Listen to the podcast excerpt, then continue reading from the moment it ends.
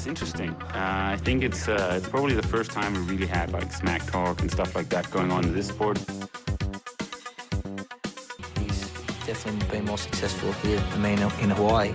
But I've beaten him up many times, and he knows that when all the people aren't around him patting him on the back and he looks at himself in the mirror at night when there's no one else, he knows I'm the real deal. Some people talk and they never won Ironman in Hawaii, so I could talk. I won twice. Miss Värmland nu i år. Alla Värmlands pulsar slår. När hon genom staden går. Lilla söta fröken Fräken Ifrån Fryken. Hon är blond som ängens rå Vackrast utav alla flickorna jag såg. Hello and welcome to the Triangle Podcast. Well, I have to be honest with you guys. I sort of uh, fell a little bit in love with Sweden. Last time I have a Swedish guest, and this time I back it up with another beautiful Swedish triathlete, Lisa Hermansson, all the way from Stockholm. Welcome to the podcast. Yeah, thank you so much. It's an honor to, to be here.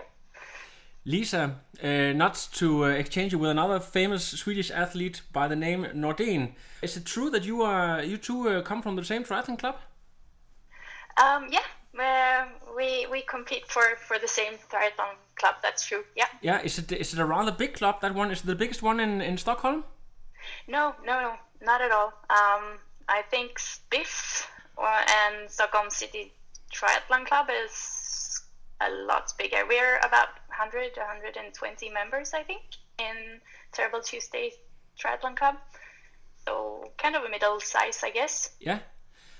The reason why I, I mention uh, Lisa Nordén is because uh, I did a little bit of background search on you, and uh, it seems like uh, you have that in common, uh, besides your name, that you uh, also came from, from horse riding.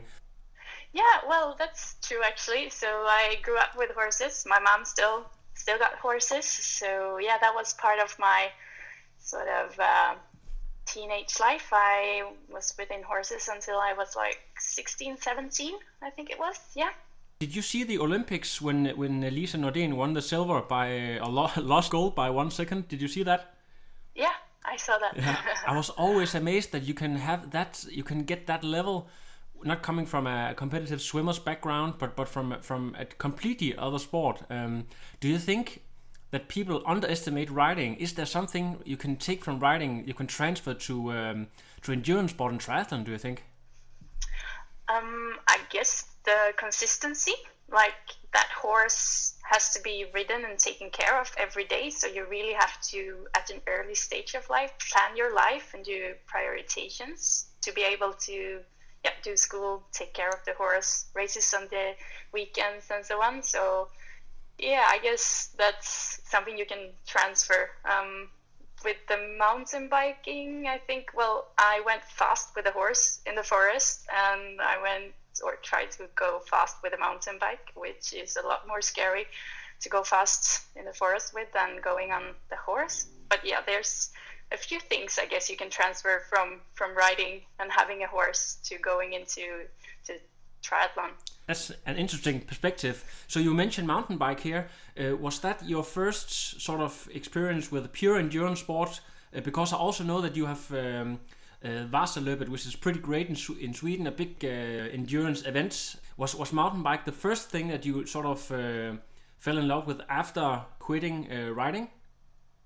Um, no, um, there was a few years I quit writing uh, when I was about 17 because I went to Australia to be an exchange student, so it was a bit different focus. And when I got home, um, I focused back um, on university and, and stuff. So I guess that's why I stopped. So there was a few years when I just did sort of like some gym training, some running for the therapy or yeah, just didn't have really a goal. I did few runner races and so on, but I think Vasaloppet was the first real experience of endurance training. Um, that was actually a coincidence. Um, the opportunity was was given, so I thought, well, why not? How hard can it be? And yeah, I just bought my skis like six weeks prior to the race. I thought if if I can do 90 Ks prior to the 90K race, that's that's pretty good. um, and the, the experience was just horrible. It was wow. I, I did it, but it wasn't pleasant at all. But somehow I, I did it four times more. So that was the first real experience. Uh, I didn't have an, any energy plan for the first race, so the Vasaloppet was all the insights on how the body works during a long, uh, long time out being active or endurance, so to say. Maybe you can explain to people how big of an event Vasaloppet actually is, because you can't really compare. I think in Denmark we have like Copenhagen Marathon might be one of the biggest endurance events. We have Ironman Copenhagen, but but nothing really compares. I think. Can you maybe explain uh, uh, what Vasaloppet means in Sweden? Yeah, so it's a it's a huge uh, event that um, uh, it's over a week of, of races. So it starts uh, on the Friday before the the big Vasaloppet uh, international race, and it involves all ages. Really, it's uh, yeah, it's huge. Um, I don't know how many people actually does it every week, but those 90k races are one on the Sunday and one on the Monday, and then the big Vasaloppet the Sunday after. It has between eight and 12,000 participants on each race, and then they have shorter uh, races and team uh, events during um, the weeks in between uh, or the days in between. So it's a it's a huge uh, thing, and it's part of the the Swedish uh, uh, classic. Like you know, you have four events during the year. Exactly. So if you perform, yeah, if you perform them over the 12 months you have like a diploma yeah you, you can go ride uh, uh, Vedan uh, and and do uh, Vasaloppet and I think there's a swim and also a that might be a some Run. kind of a run yeah yeah yeah that's correct so yeah um, it's it's part of, of that and a lot of people do it just to tick the tick the box, box. so it's yeah it's a huge thing. And the race has been for like maybe a hundred years or so. It's very old. Yeah it's very old. So it's part of the history when uh, Gustav Vasa went from I think he did it the opposite way. He went from Mora to to Sälen I believe is the real way to go it. But in this this case you go 90 k's from Sälen down to Mora. Yeah okay super cool. So there's a, a huge event with a bit of history to it as well. Yeah. We talked about uh, during my research that you have um, together with your with your work you have done a, a, bit of a diabetes project. What was that all about? Yeah so the reason i did it the first time was that it was a company initiative. So everything was uh, already organized with the cabins and the travels and everything so i just had a, a late decision that well, I'm just going to do it. But the upcoming years, um, we had a project for type 1s because there's a lot of rumors or sayings that type 1s shouldn't be active or that a walk is enough to um, to keep or what you should do actually. So uh, um, we had a 10 people um, that had type 1 diabetes that was in a team with a doctor support, of course and they were educated about how they can both perform and manage their blood sugar levels during these 90 Ks. Um, yeah, they were just super great at both skiing and managing their blood sugar. But so the thing was that they, they learned how to adapt the carbohydrates and the intensity of their work, and they, they did great. So it was a mix of keeping the company healthy. It was a global initiative where people from all over the world could apply to to this event. So mostly Danish were were going, but still a few from the rest of the world and a few Swedish people went there. So it was representative from from the whole company, from top management to finance to marketing, sales, and even the people using our product, which was the type ones. So yeah, it was a very nice event. So that was more of the reason I did it to have this experience with the whole team and yeah, to do it together with people, meeting new people. So the skiing part, I'm not very good at skiing actually. I just I just did it, but it the rest of the weekend was was the nice part, and the 90 Ks just had to be had to be done. To be to be honest, were you surprised yourself what these people were able to do with the right guidance and uh, right training, maybe? Yes, definitely. They were super fast, and uh, they they take their insulin so they, they can really drop and if it gets too low they can pass out so i was super amazed how how good they were at balancing that and yeah that was amazing to be a part of talking about pure triathlon uh, when when did that came around was was xterra your first uh, love with triathlon or, or, did quote unquote regular triathlon come before that uh, i guess that was my first love it was not my first triathlon. I tried triathlon, I think it was 2013 for the first time. And sort of like the same mindset how hard can it be? I had a friend who was going to do it, and I said, well, yeah, let's train for it together. I'll, I'll, I'll just do it. Um, I couldn't really swim that well. Um, my year in Australia, um, I had to learn to uh, to crawl actually, uh, or had to. They have like swimming carnivals and stuff. So um, I had some backgrounds, like I know how to, you know, take do my arms, and I had learned sort of the breathing. Um, so I had some background, but I didn't really practice the swimming because um, I thought it was so hard with uh, crowded um, pools and yeah. so on. Yeah. Yeah, and I thought, well, biking, I can, I can, I can bike. I don't have to practice that much and the running was what I thought was was fun.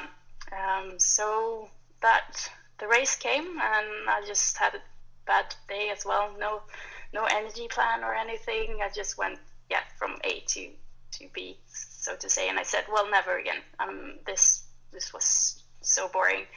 Um, but I kept the bike for some reason, um, and uh, yeah, I never used it um, running was my my thing, not in a competitive way. Um, I just did it because I liked it. Um, but then um, after the Göteborgsvarvet, it's like a huge running um, race in Sweden. Uh, it's a half marathon. I trained pretty. I really wanted to go sub uh, 145, uh, and I tried to incorporate some intervals and being more serious about my training. Um, so I did, and I managed to go uh, around 140 pretty exactly, I think. And after that, I thought, no, now running doesn't feel very fun anymore. I felt I had to become better, and I, yeah, was struggling a bit what to to do or to have as a goal uh, after that.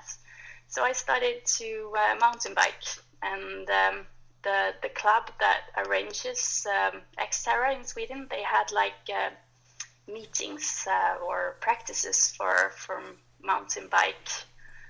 Yeah, you could go the Xterra course and you could have some tips and tricks how to manage your your bike. Uh, so me and a friend just said, well, let, let's it. We don't have to do the race. We can just be there and see if we like it or not. Uh, so that was in June I think. Um, at the same time, I also started to sort of swim again, like 15 minutes here, 15 minutes there. Um, not very good. Um, so the thought of maybe, maybe I can do it. Uh, I think the event was middle July. Um, yeah, that came up, but I didn't take the decision until like the week before because I've done the Xterra course once a week for four weeks maybe or something. Um, so I guess the love of triathlon came after that. So yeah, after Xterra Sweden in 2015. You actually you went there and, and qualified for the bloody World Championship, isn't that right? No, not Xterra Sweden. I came third uh, in Xterra Sweden, okay. and everyone was in the same age group on the top podium. So uh, the number one qualified and number two had already qualified and then it was me so i thought uh, if i can do xterra sweden which is pretty it's quite rough it's a lot of um, sort of uh, stones and mountains to go on.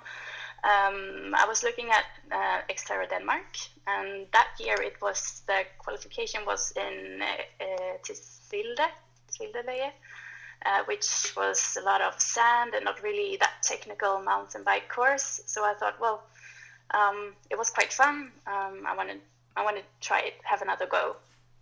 So actually, it was in Denmark where I I qualified uh, for Hawaii. Yeah. And that was only like you didn't even have one full year in the sport at that time. More like a few, a few months. Yeah, or a few something. months. Yeah. yeah. That's that's pretty crazy. Did, was did you have a coach at that time? No. Um, only no. self-coaching? Uh, yeah. Uh, so I took a lot of uh, group rides with a mountain bike. Um, I really had to practice a lot uh, with bike handling. Uh, so yeah, team Snabbare uh, organized a lot of group writings. I was on like everything you could attend to. I was there. Did did people start to talk about that you you might have a, a pure talent for this because you just jumped into it and, and had the talent more or less from day one? Um, yeah, um, I I had some some nice uh, comments there. Yeah, but once I got to uh, to Maui, I felt uh, oh, I was back on the ground, so to say. Uh, gee, that was uh, that was a tough course. That was people with course. maybe who had uh, practiced a little bit more than you. Yeah, some more experience. Yeah. So that was just about survival. It was amazing experience, really. Uh, it's a tough course. Um, I wasn't very afraid to go fast downhill, but the technical parts and the drops, phew, I just had to get off the bike and carry the bike. Um, and it was so much mud, uh, so you still had to carry your bike on parts of the, the course anyway. But people talk about that uh, Maui is one of the best after race parties. Can you confirm that? I was so tired. Uh, yeah, it was a crazy party uh, with costumes and everything, uh, but I was just drained. It was uh, yeah, it was tough, tough day. Um, I, I I arrived on the Thursday, I think, or Wednesday, so I didn't have many days to uh, used to the heat and everything. Yeah. It was way way too short. So no, uh, I just remember everyone dancing, having costumes, crazy. But then I went to go to sleep. yeah. Okay, tough day out there. Um, at this Yeah. time, we are talking about it's two, 2015, right? Yeah. You were in the you, your start 30s at this time. Yeah. Yeah, and, and maybe you and your your husband or boyfriend are starting to think maybe maybe it's it's baby time. Yeah, uh, yeah. So yeah, pretty much straight after that, I felt yeah, I did a, a great thing, and yeah, I'd been really focusing on my work for a couple of years, and we thought, well, yeah, it would be it would be nice with that change, or we could handle that uh, change. So uh, and I was very um, I didn't really want to see my mountain bike uh, at that time. I was I, I had enough Yeah. but I couldn't I couldn't really um, drop that thinking of triathlon. So I actually bought my first uh, triathlon bike like a few months later. Uh, so it was more like if it happens, it happens. But if it doesn't happen, I will. I still want to keep myself fit, and it's a great variation with the swimming, biking, and running. You don't really get sick of anything. You can always do something else. Um, but yeah, uh, I got pregnant. Um, I did the a Vasaloppet pregnant actually, but yeah, so that was in 2016, and I had already signed up for both a training camp with my new triathlon club. So I just joined uh, Ter- Terrible Tuesday Triathlon in 2016. I also already um, signed up for Challenge Fuerteventura, so I had a training camp early April, and then I was supposed to do challenge for for Fuerteventura in end of April. Um, yeah, but plans change.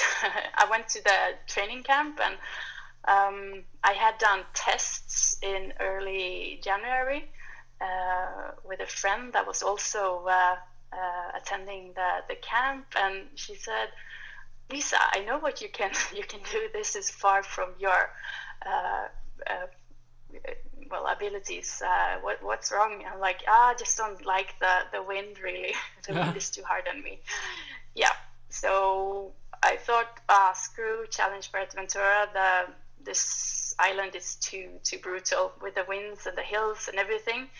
Um, but anyway, so I went um, a second time to to just actually train and yeah, get to the sun and and have some variation. But I realized that well, I was feeling quite alright, super tired and everything, but during race day, everything would be closed down. So very late, I decided that well, if I'm going to be able to bike at all, uh, it will be during race conditions. So I just thought, well, I can do the swim in my pace, and then I can do the bike, and I can step off uh, the run anytime if I want to. But somehow I had a good day and just finished the race. Uh, it wasn't very many women uh, attending the race. I was second in, in my age group and actually qualified for the championship in Samorin. That's amazing. That's just amazing. After. Yeah. 16 yeah. weeks pregnant, like four months or so in to your pregnancy, and you Yeah. still qualify for the for the championship. Yeah. So what what did people Uh, say after that? Did you think you were crazy or just uh, Amazon warrior? well, I, I had told everyone I wasn't going to race, but then, well, the night before, I just informed like the closest that, well, hey, uh, I will be on the race course, but I let you know when when I'm off the race course. So I didn't really tell anyone I was going, but then afterwards, uh, I had a mix of of comments. Uh, but yeah, um, I felt good. So Can, can you guess- remember your time? Because we really have to stress that this this is in fact maybe one of the toughest half distance courses out there at all. Yeah it's it was really brutal with all the mountains and everything. Um i swam i think it was like 35 minutes or so um the bike took a bit longer than i thought it would. It was like 320 uh, and the run was something around 150 155 i guess. So it, it is a tough course with a lot of uh, meters to to, To be climb, done. yeah. Uh, but sub uh, sub six, I think. That's that's that's pretty amazing. I have to give you that.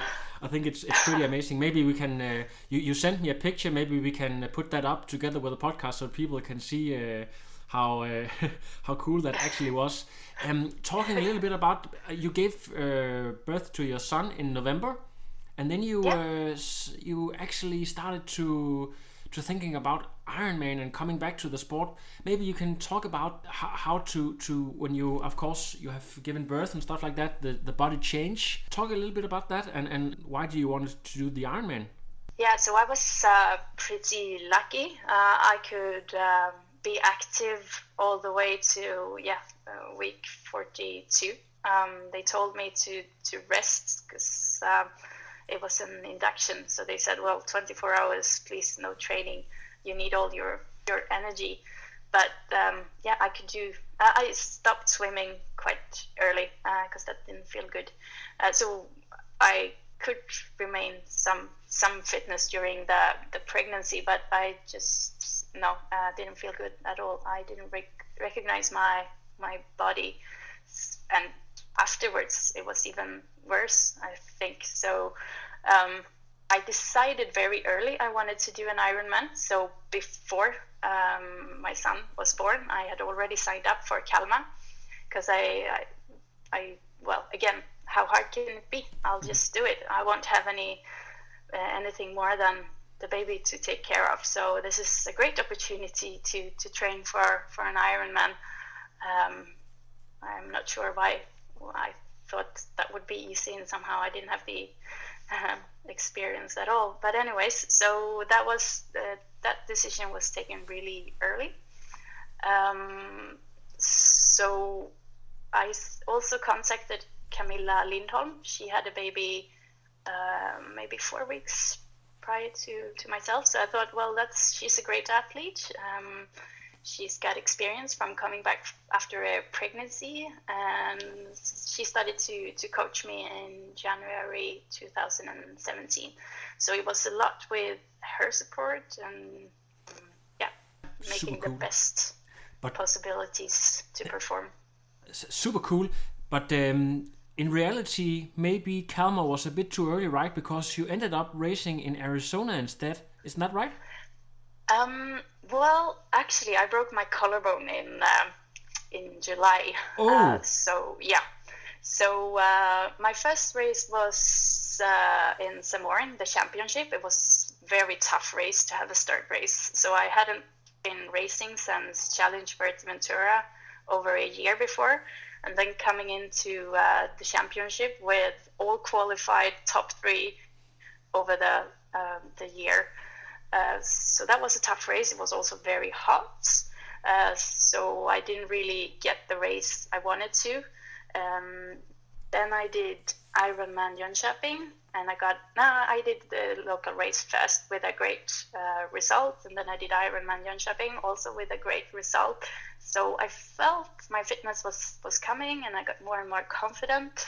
Uh, I was just about to start my sort of longer uh, workouts um, when uh, well I got I was at my parents' place and uh, there's not a lot of houses. I always go the same routes, of course, and I just hear like a big dog, um, and I thought, well, it must be yeah, uh, it it won't go out on the on the road, um, and uh, somehow it just came full speed against my front wheel. It lay down. I just finished an interval that was like in 40 mi- uh, kilomet- kilometers per hour and smash. So that was end of July. Broke my collarbone. Didn't have surgery until three weeks later, which was the week that Kalmar was. So actually, um, the plan was to do Kalmar, but since I was uh, in surgery the same week, I had to replan uh, Oh my my, debut. oh my God! So Arizona was that what was left on the race calendar that was still open, or or how did Arizona came up? Yeah, because uh, they said six to eight weeks with no pressure on the collarbone. Um, so this was in the middle of August.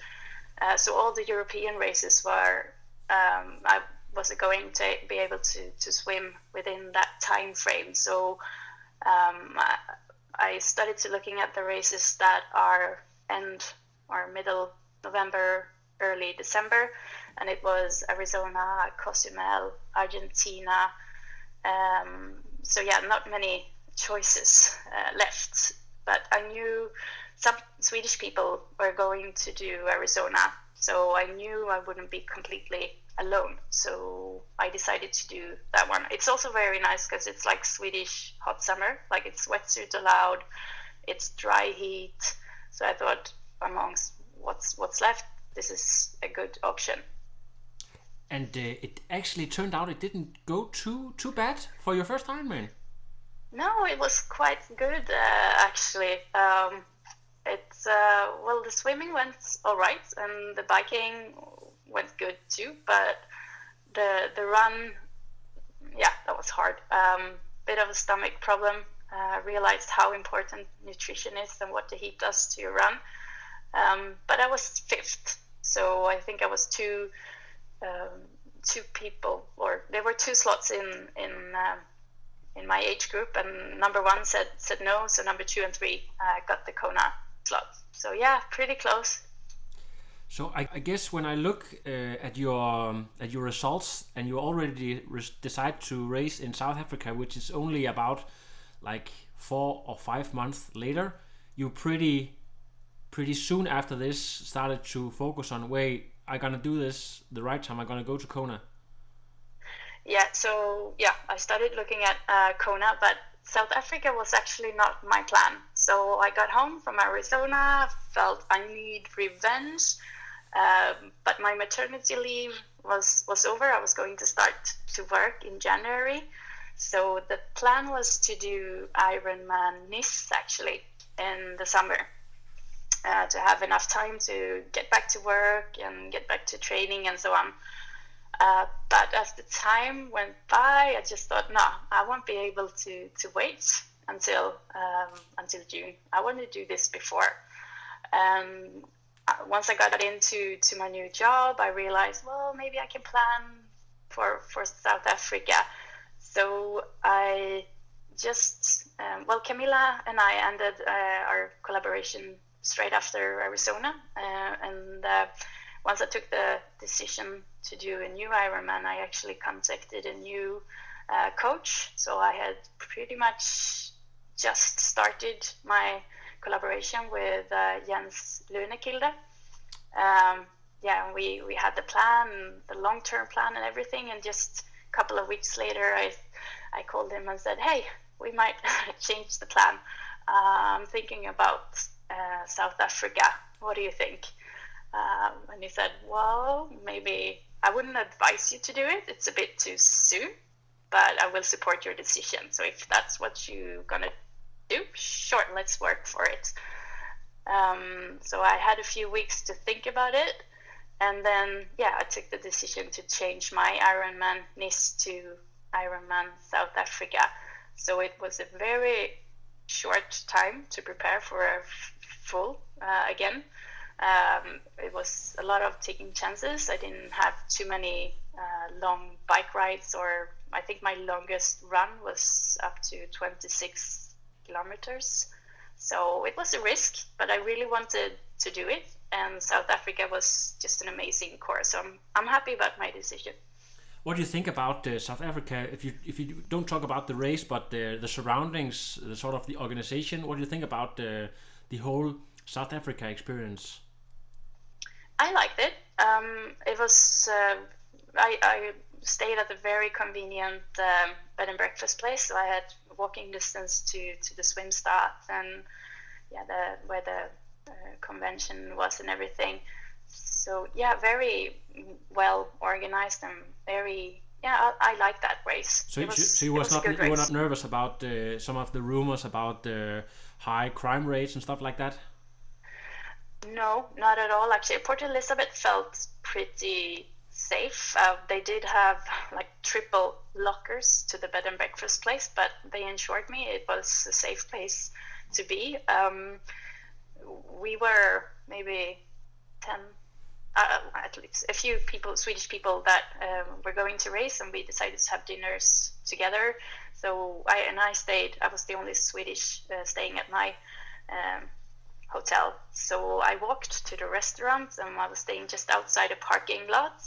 And then two South Africans um, came up to me and said, "What are you doing?" I'm like, "I'm I'm waiting for my for my friends to arrive. We're going to have dinner at this place." Yeah, but we we're not gonna let you uh, stay here alone. We're gonna wait here with you uh, until they arrive. Yeah. Uh, so that's that's when I sort of realized because they were from uh, Johannesburg. So yeah, that's when I realized it's yeah. It, it, it can be dangerous. Can, that's that's true. Happen. Did you uh, did you experience the thing? Actually, I, I raced South Africa myself uh, one year prior to you and experienced that funny thing when you go out train on the course uh, there was uh, the police ex- actually escorted us all the way back and forth. Did you experience that? Uh, I, I saw them circulating a lot, but um, no, they didn't, didn't really came up to me. But okay. yeah, it's a, it's it's a lot of polices yeah. going around the place. Yeah. yeah. You won your qualification to Hawaii when you realized that you had um, nailed that result that you were chasing. Maybe you can talk a little bit about how you felt and uh, were you were too tired or just uh, over the moon, or what was that like? Um, I had a great day to start with. Um, so um, it was it was a tough bike. So I during the bike I felt felt oh shit, this is going to be be hard. Um, the wind was just brutal going back, and once I started the run, I felt no, this is this is a good day. I can do this. And it's a championship, so there's more than one slot. I knew there would be at least two uh, so I was running in a good pace, uh, and I had some people updating me on my position. So I know I knew I was within the qualification uh, quite early, and I also felt I can keep this pace. So once I crossed the finish line, I knew that I would have the slot, and I was just it was unbelievable. I, I couldn't really uh, understand it. So it was overwhelming. And I didn't, I, I really wanted it when I went there, but I was too scared to really um, take it for granted. So I had actually booked my my home ticket really tight.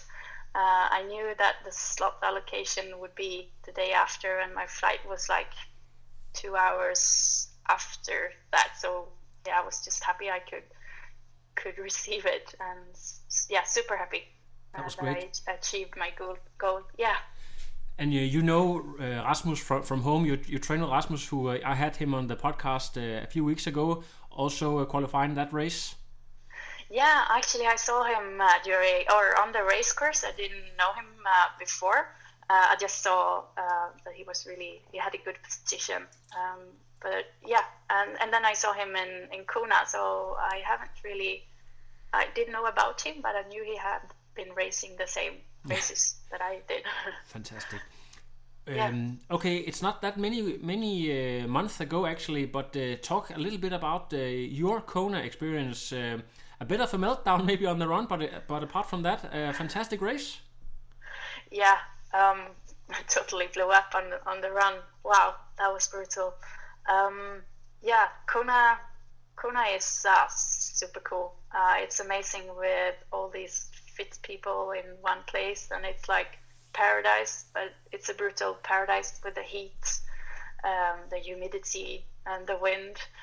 Um, so um, yeah, I I had a pretty pretty good swim. Um, usually, I get a good position after one lap or after the turning point, like people find their pace and place. But uh, during this swim, it was just just a fight from the start to the finish line. So um, yeah, I got up. It was still an okay time. I swam a bit too long. I think uh, my my watch showed a bit over four thousand, uh, but still still okay. Um, it's it's an early morning and it's a lot of things to do. You have to check in your yourself, body marking and everything. So I sort of forgot to to drink and and to eat after four o'clock. So coming up out, out of the water, I felt super thirsty. It's very salty water and a bit dizzy. So I got on the bike and just had to spend a little bit more time to get into to pace and refill um, with water and getting my salts and energy in. So it took like I think an hour before I was more comfortable. But uh, I took my energy as I should. I was a bit conservative on my watts, but still had a good pace, not too crowded. Had to go past a few people, not too many times. So still all good until the turning point uh, where I had two bottles in special needs that I was supposed to get out, and I stopped, and they screamed my my bib number and everything, uh, but there was just nothing. Um, so I spent some time waited looking for for my bag, but there was just nothing. So they gave me some Gatorade and some gels, and off I went. So yeah, it felt felt good until um, I came sort of closer to to T2. Started to feel really bad. Um, the stomach started to, to protest, and I thought, well, it just yeah um, doesn't. I, I'll just continue, and got onto to to the run. And, just didn't feel good. Um, going out on Ali'i is like super, super hot and very high humidity. Uh, it just didn't feel good. So I just thought, well, I'm gonna start slow and then maybe I can just go um, go a bit faster uh, when I'm back. yeah. But uh, yeah, that didn't really happen. And after uh, Ali'i, um, the part where you yeah run along the, the coast, it just got worse and worse. So I had sort of like a porta potty safari yeah. for, Fight, fighting from one to the next. Yeah, yeah, yeah. so, but yeah, uh, I, I I got to the finish line. It was just an amazing experience. That wasn't it wasn't very pleasant on the run, but it was still cool to have done it. Is there any time during that that marathon, that hot marathon, that you just regret that you're one tall blonde Scandinavian? um, as it was so many thoughts going through the head at that uh, time, um, but nah, it's, o- it's it's just survival mode, maybe. Yeah, yeah. It was a Okay. survival, not yeah. But- uh, I started to calculating like how long will it take if I walk. Um, but yeah, um, I wanted to get off so many times, and I saw so many people sitting, trying to find some shade, shaking, and um, medical people collecting people along the way. Um, yeah, that was an experience itself. But you were never really in fear of uh, being one of the people um, running it with a glow stick or stuff like that. Uh, no, I just finished. Like the sun started to um, to go down on my last like one two k, so it was still a little bit bright when I crossed the finish line. But once I got into um, to the athlete garden, it was completely dark. So no, but I was close to being one of those. Yeah, but still good and an okay time. Okay. Though. Let's talk a little bit about your everyday training because I have been stalking you a little bit on Strava. Um, uh, that's a that's a very pleasant experience actually. But uh, I can't help to notice that you're a bit of an early bird when it comes to training, and people in your community also talk about that. Can you maybe talk about how you balance the fact that you have a, a full time job, you have a little son and family, and also want to train a lot? Um, first of all, how do you get out of bed so early in the morning? Yes, so I usually wake up um, around five five thirty. Um, yeah, and if if I'm going to train, it is the morning time that I have to to do it. Uh, in the afternoon, it's pick up at the kindergarten and all the things you have to do with the family and so on. Uh, Sometimes I have to leave um, to uh, or leave at kindergarten in the morning as well. So it's not every morning that is early, but um, the family wakes up pretty much the same time. So it's uh, sometimes I'm the first to to wake up, um, but my son actually he, he he wakes up between five and six as well. So I guess we're all a bit of early birds in in the family. Have you uh, have you installed uh, at like a treadmill or stuff like that in your home, or is everything like planned around triathlon? So so things uh, in in line, so you can go out and train uh, as soon as possible, or, or how does things work? Yeah, uh, we have a home gym, so I have the trainer uh, treadmill. Uh, we even have like a swim spa, you know, with a Uh, in the yeah, school? So, uh, yeah, uh, not Oh. the endless. Uh, it's more. Um, it's a yeah. It's, it's not a turbine. It's just jet streams. Okay. So you still have to have a um, what's it called? A band um, to Okay. keep in place. Oh, But but uh, if I wanted to, I could swim at home as well. But I prefer the the lap swims. Ah, fantastic. So so your better half is he a triathlete as well? No, not at all. Actually, uh, I started late, and I haven't convinced him to uh, to join uh, triathlon. Maybe that's a good thing. Someone Okay. has to to watch the the little guy. All right. So you never, uh, when he was uh, smaller, he didn't went out on uh, on on a stroller or, or baby jog or stuff like that. Uh, I have taken him a few times, but um, he he doesn't uh, like it. Um, he's very active um, as well, so uh, um, no. So I can I can almost guess that most of your trainings they are done by yourself and not with the club. But do you have anyone that in particular that you prefer to spar with if you really are going through some uh, tough sessions that you need someone to push you? Uh, in the summertime, I have some some good uh, company uh, in in my area here for especially for for cycling, but sometimes also for for running. Um, swimming, um, I have Jesper Svensson, uh, who lives sort of uh, quite close. So uh, now I try to do a few swims with with him um, to get some good technique tips and yeah, to to do some good swim sessions. I saw a picture of Jesper Svensson yesterday on Instagram, and I can't remember have seen anyone in the world actually have broader shoulders than Jesper Svensson. Do you agree? I agree. it's really like two meters across the shoulders. yeah, Fantastic. Um, and also talking about Jesper, Jesper is a fantastic swimmer, and a, and also a uh, in Sweden we have to remember um, swim run like Ö till Ö and stuff like that is really big. Uh, Have you ever thought about uh, racing Ø to Ø or this uh, swim run that's not for you, or maybe for, because you're a fantastic swimmer yourself? Ah, fantastic. Maybe. well, yeah, I, I'm a good swimmer in a in a wetsuit. Um, I've just learned to uh, to use the the paddles. Um, so I have uh, before. Um, I actually swam slower with my paddles. My technique was really lousy. Um, so the pull buoy is not my friend uh, at all uh, still. So I think swimming within the swim run uh, with the shoes and paddles, nah, not really. But on the other hand, I've learned now that I shouldn't say say no because you never know what what happens or what opportunities are given. So maybe, but it's not in my plan yet.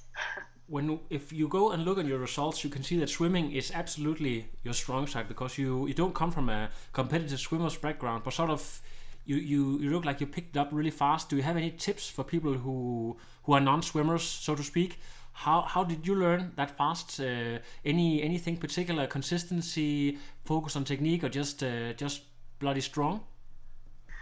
Um, yeah, I um, I realized that if sort of I swim all by myself, doing the same mistakes every time, it doesn't matter if I swim a lot. Of course, I, I'll be a bit stronger, but I've tried to uh, yeah hire a coach, have some uh, personal training uh, hours um, during the years every now and then. Um, so uh, now uh, Jesper is also my triathlon coach actually, but we uh, or it's included in his sort of program to have some um, technique sessions. so he gives me some some homeworks um, until the next time, and then yeah, so I guess getting some coaching have been well invested in my case. Fantastic. Maybe uh, I should hire Jesper as well because I'm a one hell of a lousy swimmer myself. yeah, he's a very good nice guy. That yeah, Jesper. definitely. Let's talk a little bit about your plans for 2019. Is the plan to go to Kona again? Um, it's no, it's not uh, I shouldn't say say no. If if it if I qualify, I will, will have a hard time saying no. Um, I will. My plan is to do Texas, or that's what I'm training for. Um, mainly, I want a fast time. So for South Africa, I was just all about Kona. I really wanted a slot. Now uh, it's it's not the same focus. I decided that triathlon should not take as much time or money this year. So mm, we'll see. Maybe if if I have to take the decision, it it probably will be yes. It's um, it's hard to say no uh, when that opportunity is given. And you have thought about that, that Texas might be a non-wetsuit swim, of course. Yeah, so that's why I'm actually putting a bit more um, effort into to swimming. I also have some had some injuries post Kona, uh, so I couldn't run. So I incorporated a bit more more swimming. So yeah, I'm trying to be a better non-wet uh, suits swimmer now. Are, you still a bit limited after your crush um, uh, on the, you, broke your collarbone there on your swim? Uh, no, actually no. Um, um, I swam in Arizona with a broken collarbone. it's just the plate keeping it together. It was just it was still a fracture but no, I'm, I'm never. It's a bit about mobility, maybe, but no, not very limited. So let's talk a little bit about. The, you might have some sponsors or anything that we want to give a shout out here on the podcast. Um, no, not really any uh, sponsors. Mm, I should say thank you to Mantra Sport. That after my crash, they they helped me to get my bike in place for for Arizona. Um, so I tried to buy uh, my bike equipment from from them. I am also in Team Zoot. It's like a community. Uh, they have a team in in Europe and one in uh, the United States. So I'm part of that, and they have some team events and we have some special quotes uh, on the race course. Uh, other than than that, it's just my family. But uh, I noticed that the longer you're in the sport, the, the list of people um, that helps uh, over the years are getting longer and longer. Um, exactly. But yeah, yeah. So mainly family that supports with babysitting and everything around that. Fantastic. It has been a pleasure chatting or talking to you, Lisa. Very exciting to hear your story um, and about coming back from pregnancy, uh, qualifying to Kona and stuff like that. I really hope that um, I will be able to to see you race myself. Uh, if you come and race in Denmark, please let me know. Yeah, sure. Um, maybe I won't. I did Elsinore uh, last year. Mm, not sure. It's during midsummer this year. I saw so. Uh, I haven't decided on the races after Texas, but you'll never know. Denmark is, is close, so it's very convenient to, to race there. So Yeah. I'll, I'll give you a shout out before. Or I'll come to Sweden maybe and race uh, Kalmar myself. then I can give you a heads up. Yeah, so I, I didn't even actually bother to sign up to Kalmar this year. I've, I've tried to be on the starting line twice, but um, yeah, it doesn't seem to be my, my race. But one day, maybe, but not this uh, not this year. Not this year. Lisa, thank you so much for uh, letting me take almost an hour of your busy schedule. Say hello to everyone in your triathlon community and take Hello. care. Thank you. My pleasure. No, I am done. Another. But no, it's, I'm done. I have no power.